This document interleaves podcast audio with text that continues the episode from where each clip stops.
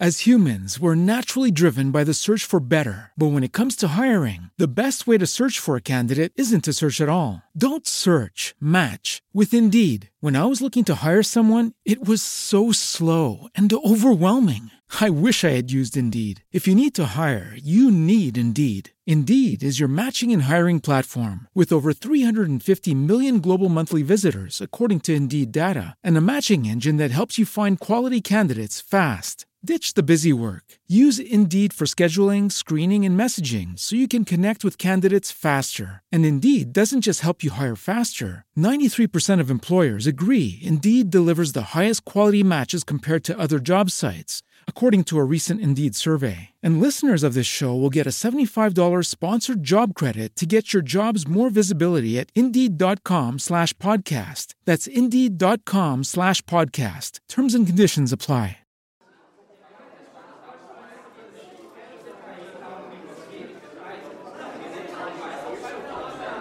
Het is dinsdag 16 januari 2018 en u luistert naar Koinonia Live. Dit keer met het tweede deel van de bespreking van de brief van de Romeinen, hoofdstuk 9 vanaf vers 19.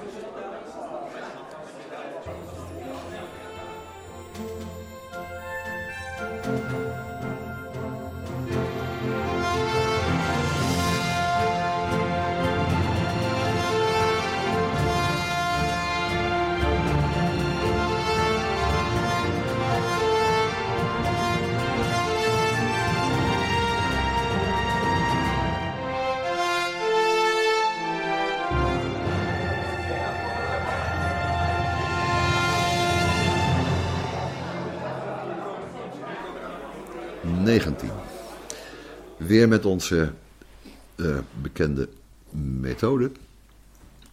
Um, wat is het onderwerp van dit gedeelte? Ik heb verschillende manieren aangegeven, maar één daarvan is: uh, hoe zit het nou met de verhouding van uitverkiezing en straf?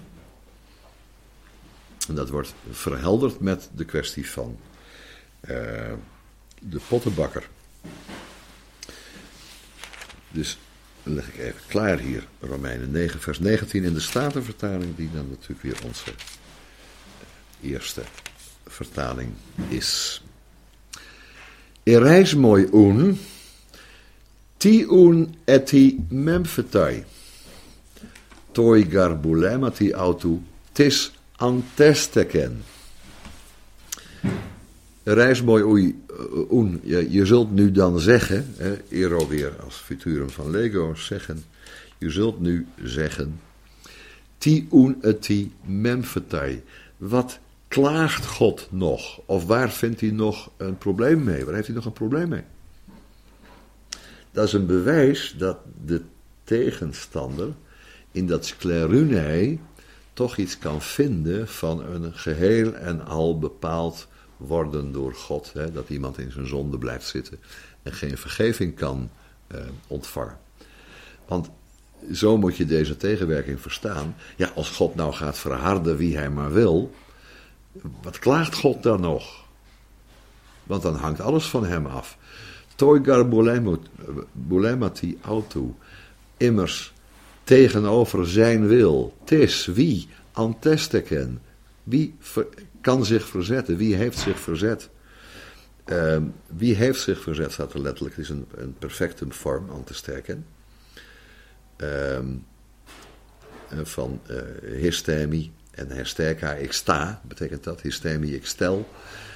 Hersterka, perfectum van ik sta. An te sterken, tegenoverstaan. Dus weerstaan. Want wie kan immers zijn wil weerstaan? Wordt het woord, boulema gebruikt. En dan zie je dus aardig uh, het verschil. Hè? Dus het kan best Gods uh, telema zijn in het algemeen, vers 18. Maar de vraagsteller hier die zegt: Ja, maar wie kan nou de wil weerstaan waarmee hij in de geschiedenis optreedt en dingen gaat veranderen? Ja, dan is het antwoord: niemand. Hè, wat God op dat moment besluit, wordt ook uitgevoerd. Maar tegen die algemene wil is er blijkbaar nog geen verzet, weliswaar maar nog een mogelijkheid van bekering over. Dat is wat hij hier lijkt te zeggen met dat verschil. Hè, want tegenover zijn wil kan God niks doen.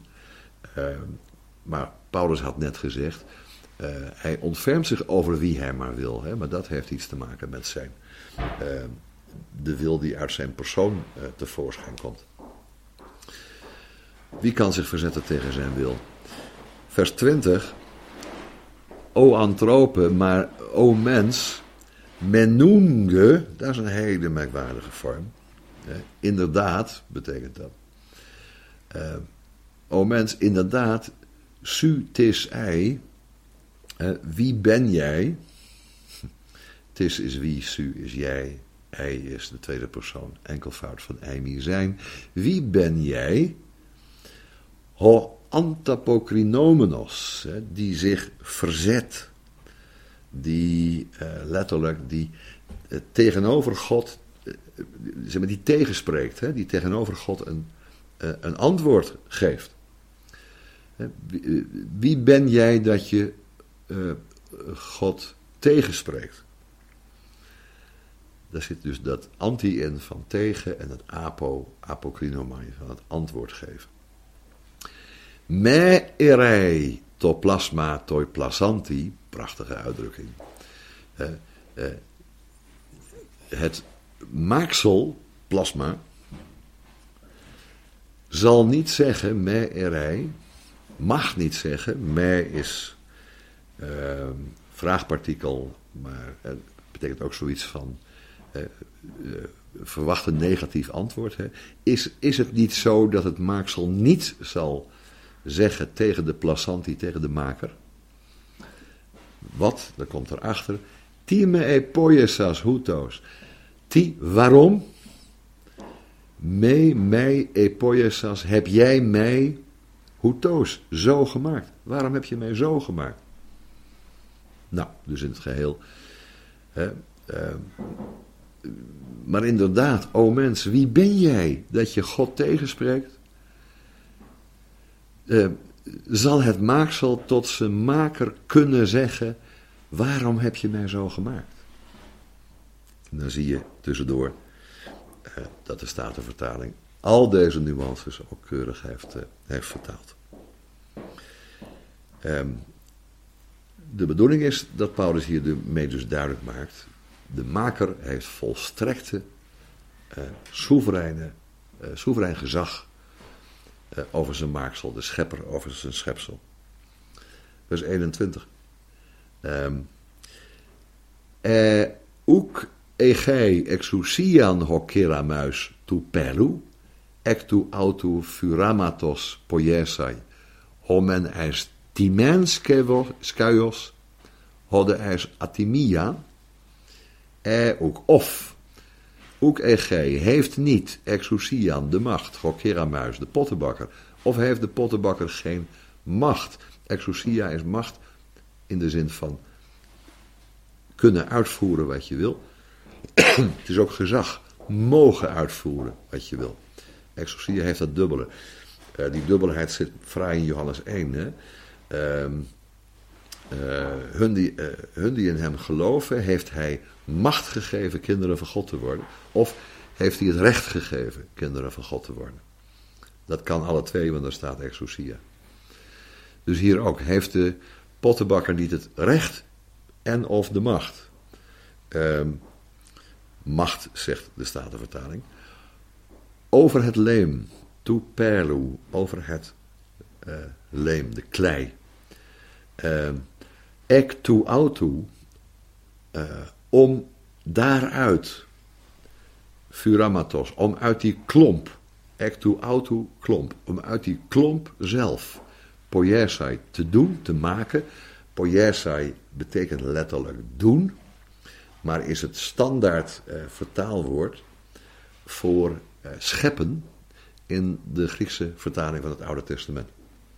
Dat is niet vanzelfsprekend, want er is een tweede woord in het Grieks, wat eh, voor scheppen kan worden gebruikt, wat veel minder nadruk legt op het voortbrengen, het genereren. En hier ligt de nadruk meer op het vormgeven. En dat is dus in Genesis 1, vers 1, dat ik weer even een kleine excurs mag beginnen. Een interessante vraag geweest. In het Hebreeuws staat er, in de beginnen schiep God de hemel en de aarde. Bereshit bara Elohim. Hè, bara is het woord voor scheppen. Is uniek voor, voor God. In uh, de, de hele Bijbel wordt zowel gebruikt voor het scheppende werk in Genesis 1, maar ook voor het brengen van iets nieuws in termen van het oordeel, vooral bij Jezaja. Ik, ik, ik schep het goede, ik schep het kwade. staat in Jezaja 54, meen ik. En dat betekent dat God daarmee steeds iets nieuws doet, iets ongehoords, iets wat geen grondslag heeft. Die Griekse vertaling moest dus kiezen tussen poieo, maken, doen in de zin van vormgeven, en een woord dat ktitzo, uh, uh, jota zeta, omega, ktitzo, dat de nadruk dus ligt op voorbrengen. Sommige versies van de Septuaginta hebben dus uh, entai archei ectisen hotheos, oftewel bracht God voort, ton uranon kaiten gen, de hemel en de aarde. Maar andere versies, en dat de standaard Septuaginta die wij kennen, die gebruikt dus die term epoiesa, alsof God daar vorm geeft. Nou is dat heel problematisch in Genesis 1, uh, want we hebben dat mooie zinnetje, we hayeta tohu wavohu, oftewel de aarde was woest en ledig. Uh, woest wil zeggen ongevormd. Leeg wil zeggen niks in te vinden. En dan krijg je in de scheppingsdagen sommige dagen die vullen de schepping en andere dagen vormen de schepping. dus als er uh, zon en maan worden geplaatst aan de hemel, dan wordt die gevuld. Maar als er uh, scheiding wordt gemaakt tussen land en water, dan wordt die gevormd. dus je hebt een uitwerking van uh, de aarde nu was woest en ledig, heb je in de, kom je in die scheppingsdagen steeds weer tegen. Dus het werk van de scheppingsdagen, dat is dus eigenlijk het poiesai. Dat is het vormgeven. Uh, dus het was eigenlijk beter geweest als de Septuaginta had vertaald. En tij archei in den beginnen. Ectisa, of ectisen moet ik zeggen. Ectisen. Uh, van ktitso voortbrengen. Uh, de hemel en de aarde. Ectisen zou beter zijn geweest. Waarom hebben ze dat toch niet gedaan? Omdat ktitso zo sterk lijkt op tikto. En tikto is baren. En dat is wat de goden in Babylon doen die baren de aarde en haar producten. Dus er is een soort van huiver om dit zo te gebruiken voor het scheppingswerk vanwege die associaties met tikto, baren, in die zin voortbrengen. Um, en daarom kiezen ze voor epoiesa. Maar epoiesa heeft de bijbetekenis van vormen, wat niet past. Want het vormen en het vullen is juist iets wat in de scheppingsdagen gebeurt. Het opschrift van uh, Genesis 1 vers 1 wil juist zeggen wat er nu volgt is wat uh, allemaal uh, schepping is van hemel en aarde. Dan was uh, Ectisa dus beter geweest. Want het feitelijke poieo, het doen, vinden we juist pas in de verse, verse daarna. Nou hier, de pottenbakker, ja, wel degelijk, die moet poiesa. Het zou heel raar zijn als hier gestaan had ktizai. Dat zou dan aoristisch infinitief zijn van ktitzo. Uh, want dat is dus niet wat de pottenbakker doet. De pottenbakker brengt geen klomp klei voort. Maar hij vormt die klei. Vandaar dat poiesai gebruikt wordt. En vandaar dat dat dus de associatie oproept met scheppingsdaad van Genesis 1. Maar dat is dus helemaal niet aan de orde. Het gaat om, zoals later ook zal blijken, om het toebereiden van de vaten van de barmhartigheid en de vaten van de toren. Dat is vormen van wat er al is. En Paulus zegt dus niet hier dat uh, God in vergelijking ook met de pottenbakker het recht heeft om te maken wat hij wou, om, om, laten we zeggen te scheppen wat hij maar wil. Nee, hij zegt hier dat God het recht heeft en de macht heeft om te vormen wat hij wil. Dat wil helemaal niet zeggen dat dat, laten we zeggen, ongevormde klei is die zelf, uh, laten we zeggen, al dan niet geschikt zou kunnen zijn voor de vorm die hij krijgt.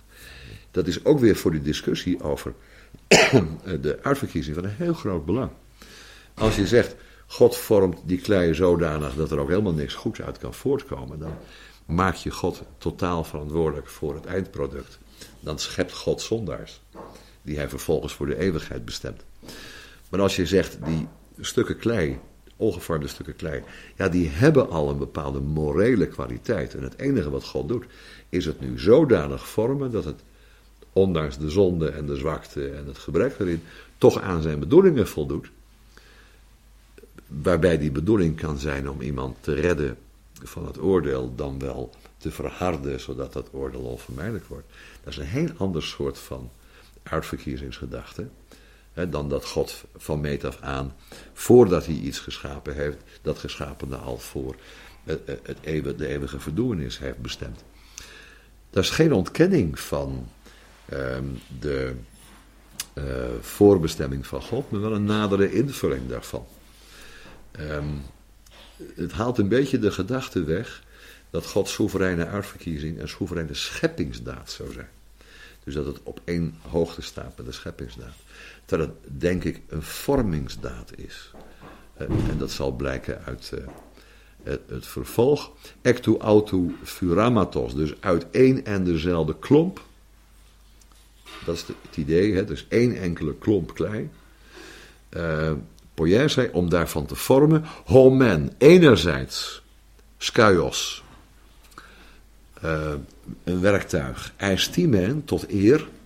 Hode, en een ander, skaios moet je invullen.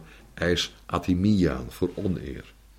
Dus God kan uit uh, die klei die daar ligt, kan hij vormen wat hij wil. Maar dat zou hij best wel eens kunnen doen, is mijn toevoeging, uh, vanwege de geschiktheid van de klei.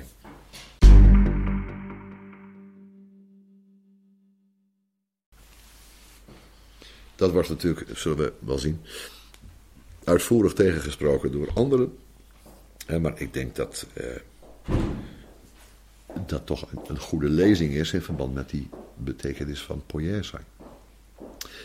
Maar dit is dus wat er staat. Um, heeft de pottenbakker soms geen macht over de klei om uit dezelfde klomp klei te vormen, het ene uh, uh, als een vat tot eer en het andere als een vat tot oneer. Nou gaat het plotseling over eer en oneer. En ook dat is denk ik een verwijzing naar uh, de historische realiteit waarin mensen zich bevinden, of waarin een heel volk zich bevindt. Hè, dat het als het ware bijdraagt aan de verbreiding van Gods naam op de hele aarde, of dat het die naam oneer aandoet. Het gaat dus om het vormen in verband met dat ene doel. 22. Eide telon hotheos en dijksastai ten orgen, kai gnorisai tot dunaton autu, en denken en pollei macrotumiai, skuiai orges, katertismena eis apoleian, moet je eigenlijk meteen doorlezen, kai hina gnorisai ton pluton tes doxes autu, epis kuiei elius, ha pro etoimasen eis doxaan. Daar komen dus die tim, tim, timia en die atimia weer eh, terug. En als nu God, die zijn toren wilde demonstreren en dexastai demonstreren en bekendmaken, gnorisai, tot Dunaton, wat hij maar kon, dus zijn macht, hè, tot Dunaton auto, wat hij maar mag. En Enken verdragen heeft van Anafero en Enka, de auristus daarvan, verdragen heeft en pollei macrotomiai in alle langmoedigheid, of veel langmoedigheid, veel geduld, met veel geduld.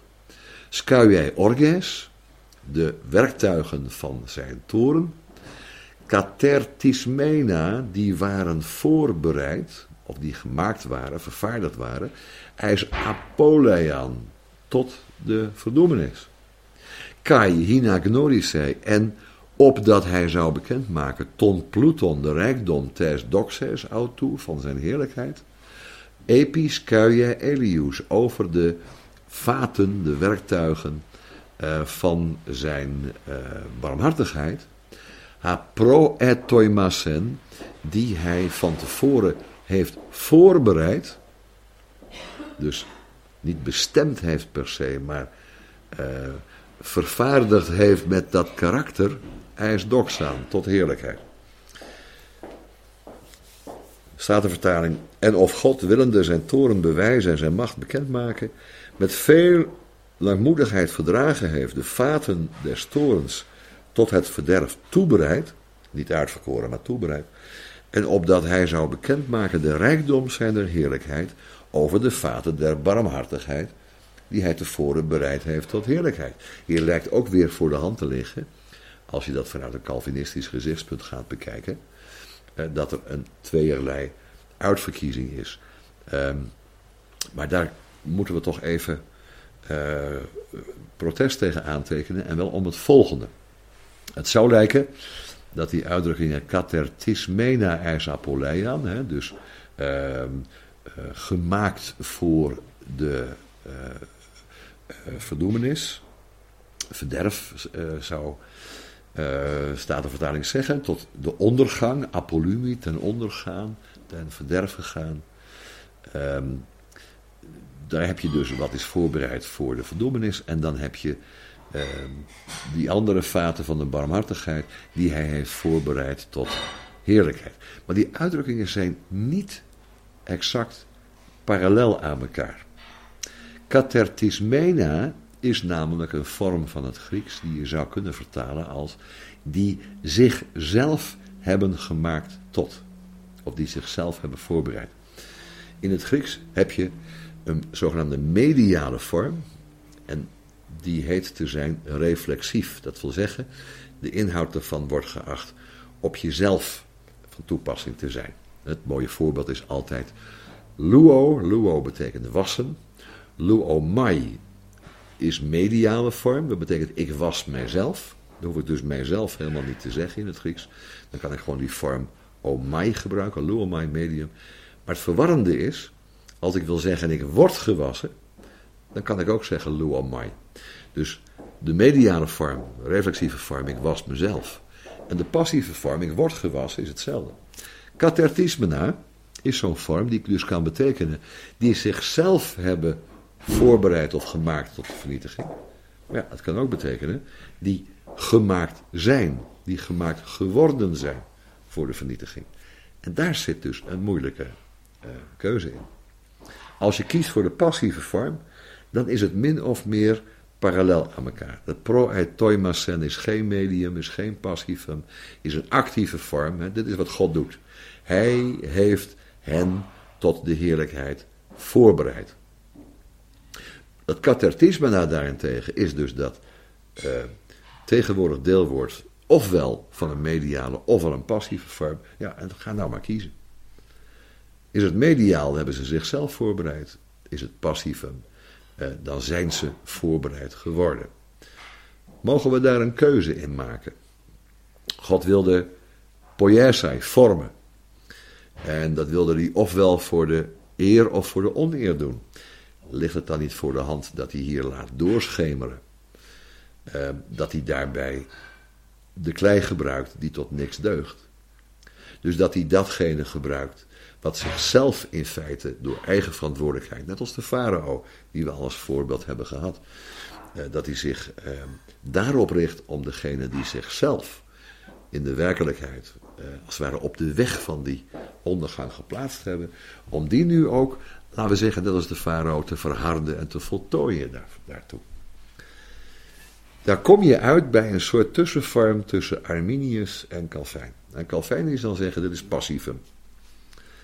Dit is puur passivum. God heeft het van tevoren helemaal zo gemaakt en gevormd. Um, Arminius zou zeggen, uh, ja, maar dit is, hoewel het niet in de tekst staat, uh, op grond van Gods voorkennis. Dat weet ik uit een andere tekst.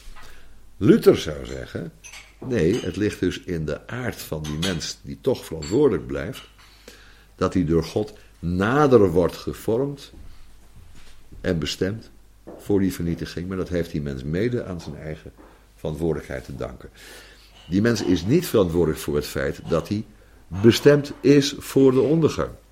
Maar hij is wel verantwoordelijk voor de zonde die God ertoe motiveert om hem in die ondergang te brengen.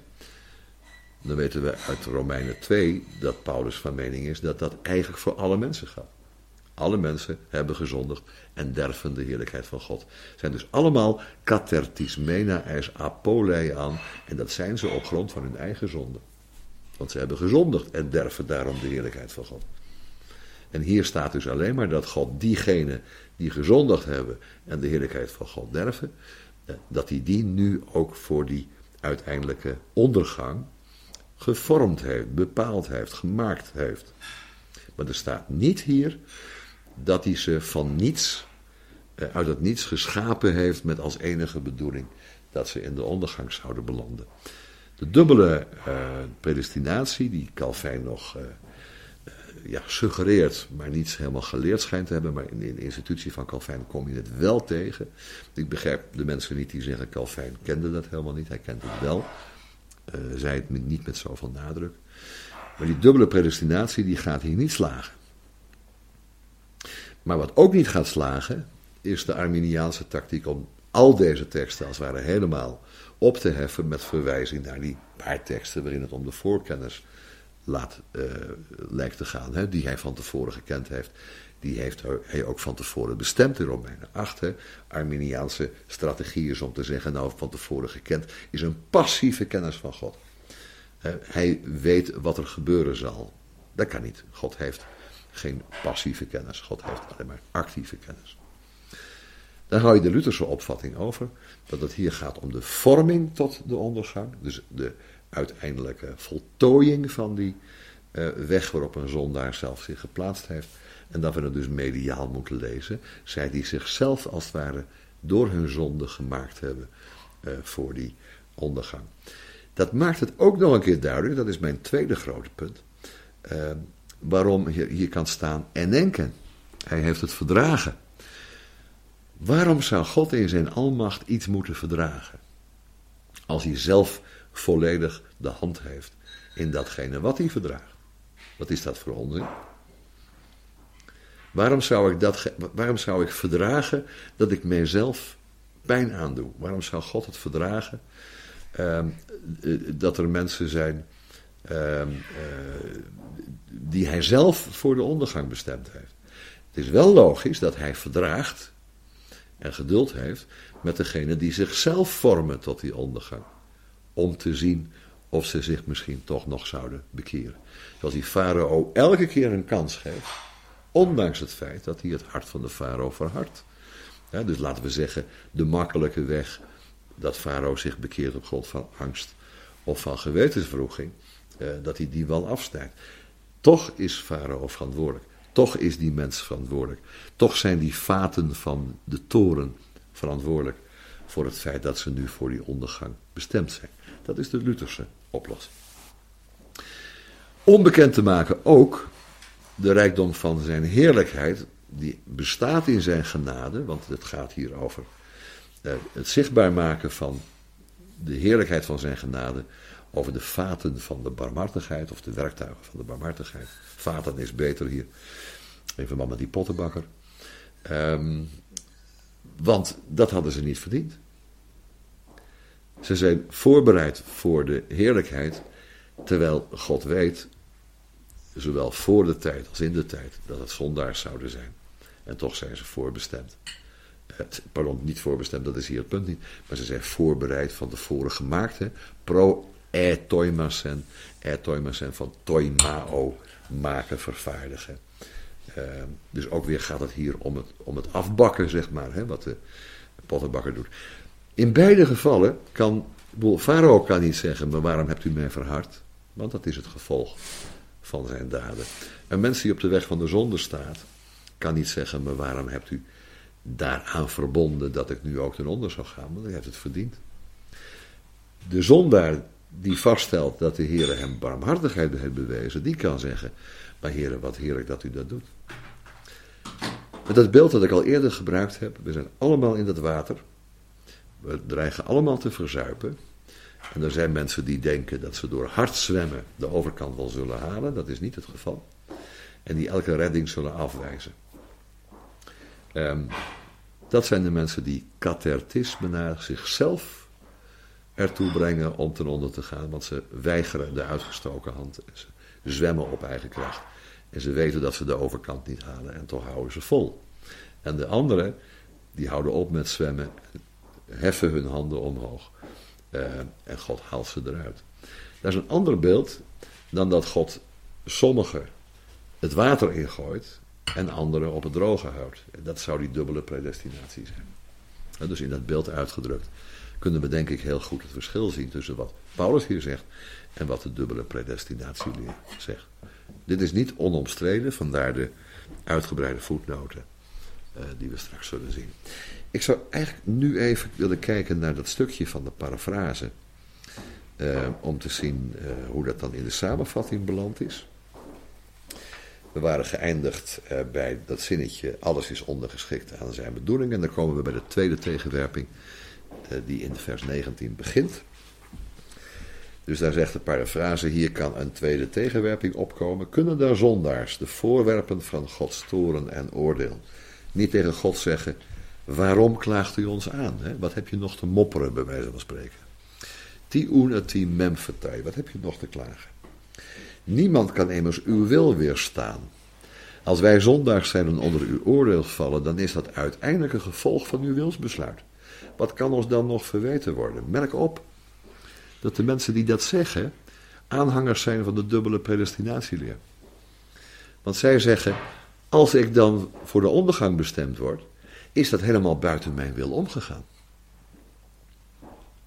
Wat kan ons nog verweten worden? Dan kan wat God doet helemaal eh, niet rechtvaardig zijn.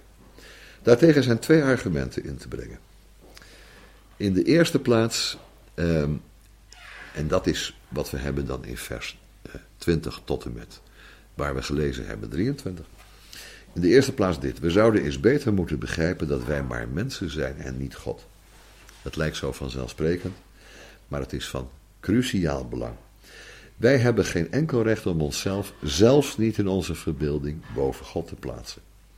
We zijn niet in staat en hebben niet het recht om God te doen en laten te beoordelen.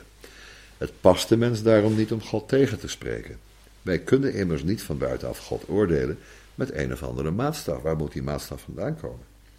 De enige maatstaf van het goede is God, die de goedheid zelf is. Als schepselen kunnen wij onze schepper niet tot verantwoording roepen en zeggen: Waarom hebt u ons dan zo gemaakt dat wij onder het oordeel vallen?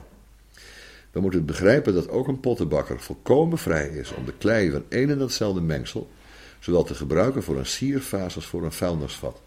Dat we zeggen, voor iets wat hem bevalt en voor iets wat hem niet bevalt. De vergelijking gaat mank, omdat God oneindig ver boven ons staat. Nog meer dan een pottenbakker boven zijn klei staat. En ik zou nog willen toevoegen, de vergelijking gaat ook mank, omdat God het karakter van die klei, zoals een beeldhouwer het karakter van een brok marmer, vele malen beter kent dan wij zelf. En wat dan in de parafrase in de tweede plaats gezegd moet worden, dat zit in vers 24 en verder. Gaan we nog even naar de aantekeningen bij het, uh, het vers. Um, ik heb een klein stukje achter vers 19 aan geschreven, uh, met een verwijzing naar Jozua 1. De vraag waarop Paulus hier wil antwoorden is ons bepaald niet vreemd. Wat moeten we immers denken van een passage als deze? In Jozua 1, vers 19 en 20. Er was geen stad die vrede maakte met de kinderen Israëls, behalve de Hefieten, inwoners van Gibeon. Ze namen ze allen in door krijg. Want het was van de Heere hun harten te verstokken, dat zij Israël met oorlog tegemoet gingen, opdat hij hen verbannen zou, dat hun geen genade geschiedde, maar opdat hij hen verdelgen zou, gelijk als de Heere Mozes geboden had. Dat is een heftige passage. De opzet van God om de geest van Israëls vijanden zodanig te verstokken dat er geen genade mogelijk was, lijkt zowel willekeurig als wreed te zijn. Maar Gods gerechtigheid en wijsheid zijn volmaakt. Hoe kunnen we dat dan met elkaar rijmen? De waarheid is deze. God heeft sommigen voorbestemd voor de verlossing door zijn genade. En vanwege hun zonde van ongeloof heeft anderen overgelaten aan de verdoemenis door zijn toorn. Dat is een citaat van John MacArthur. En daar zie je dus hoe het evenwicht tot stand komt. MacArthur eh, zal hier wel menen dat hij Calvijn volgt. Eh, omdat hij niet de dubbele predestinatie predikt. Ik denk dat hij eerder wat dichter bij Luther zit en dat Calvijn twijfelachtig is, maar maakt niet uit. Maar sommigen voorbestemd voor de verlossing door zijn genade, dat is de positieve uh, predestinatie. Heeft anderen overgelaten aan de verdoemenis door zijn toren, hè, overgegeven aan, laten we zeggen, heeft de consequentie van het gedrag van anderen laten staan.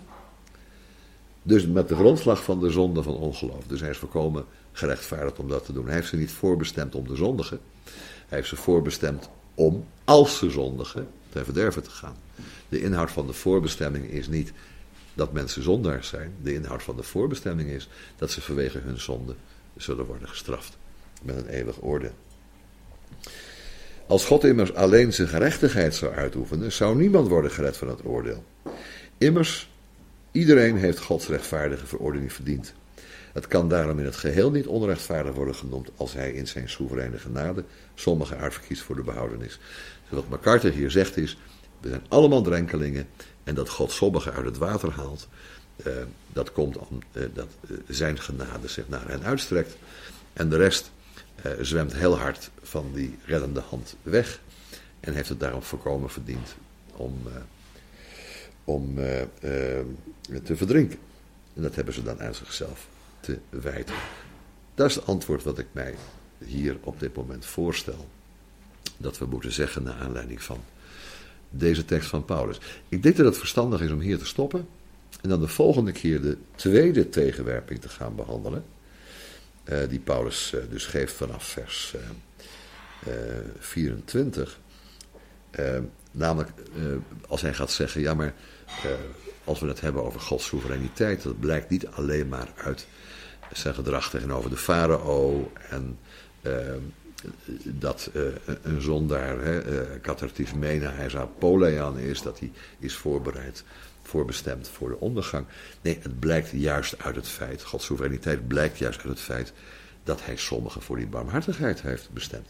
Die kant moet je in de gaten houden. En dat is wat hij vanaf vers 24 gaat duidelijk maken. 24 tot en met 29 is dat dus. Nou, daar wil ik het dan uh, bij laten voor dit tweede deel van de bespreking. En dan gaan we de volgende keer verder bij vers 24.